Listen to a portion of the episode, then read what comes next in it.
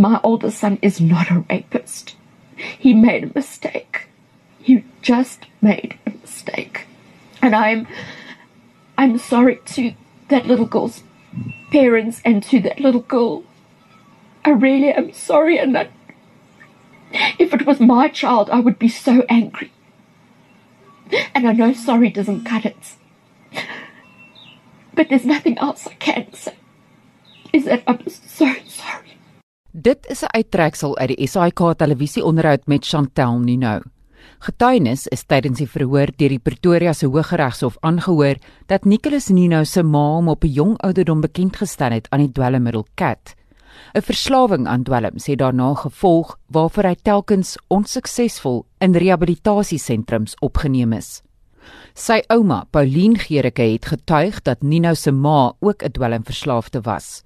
'n Sielkundige wat met Nino gekonsulteer het, het getuig Nino is as kind in sy ma se sorg, liggaamlik en emosioneel afgeskeep en ook liggaamlik, emosioneel en seksueel mishandel totdat hy op 8-jarige ouderdom by sy ouma gaan woon het. Sy ouma het tydens getuienis ter versagting net voor sy vonnisoplegging by die hof om genade gepleit vir haar kleinkind en gesê hy is 'n ander mens wanneer hy nie drank of dwelms gebruik nie. Maar Nino is lewenslank tronk toe gestuur nadat hy skuldig bevind is daaraan dat hy in 2018 'n 7-jarige meisietjie in 'n drosrestaurant in Pretoria verkragt het. Die SAK televisieonderhoud met sy ma het 'n storm op sosiale media ontketen. Haar woorde dat haar seun nie 'n verkragter is nie, maar net 'n fout begaan het, het mense baie warm onder die kraag gehad en talle sosiale media gebruikers wat kommentaar gelewer het, het gedreig om die SAIK by die uitsaai klagte kommissie van Suid-Afrika aan te gee. Die uitsaai klagte kommissie het bevestig dat hy talle klagte ontvang het en dit ondersoek. Die SAIK het betroubaar verneem die aantal klagte wat ingedien is oortref 550, talle daarvan met net Twitter-adresse. Weber Wenzel, media prokureur Utrybia Ampofu Anti, sê sulke klagtes sal volgens die vereistes van die uitsaai klagte kommissie nie geldig wees nie.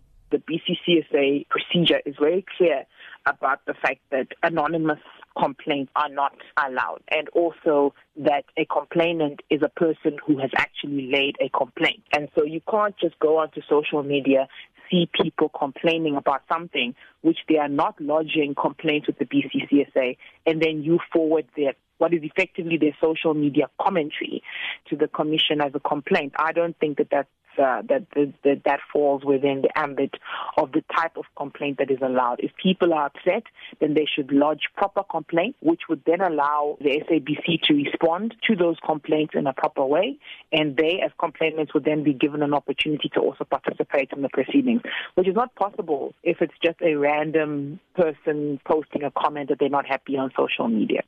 Skerp kritiek is teen die SAIK uitgespreek dat daar met die onderhoud met Chantel Nino gepoog is om haar seun meer menslik te maak. Ampofu Anti sê egter, hoewel dit lede van die publiek se persoonlike menings is, dit nie as argument in 'n saak by die uitsaai klagte kommissie aangevoer sal kan word nie. people may feel that it's inappropriate or people may not be happy about it, but that doesn't translate to a breach of the BCCSA code. The mere fact that the, the SABC is trying to basically find out, okay, why did this person do what they did? Who are they actually? And so forth. That's not a breach of the code. If anything, that is actually um, reporting and giving information to the public from different perspectives and not just from one perspective that says, oh, he's a terrible person, but that there is actually another perspective where there are people who love him and care about him and have their own views about what he did. That doesn't mean we all have to like it or agree with them, but, but, but it actually does broaden the narrative of, of who this person is. Daar is kommentaar uitgespreek dat omdat die SAIK onderhoud met Nino se ma gevoer het, 'n onderhoud ook met die 8-jarige slagoffer se ouers gevoer moes word. All of us know what the allegations against Nicholas Nino are. They've been very widely reported.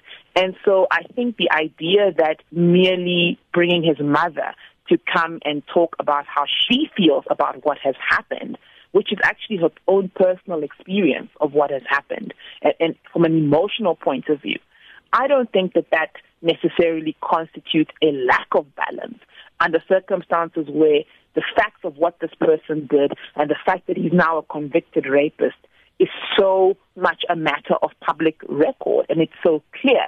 And there's been so much talk and programming and material where he's roundly condemned.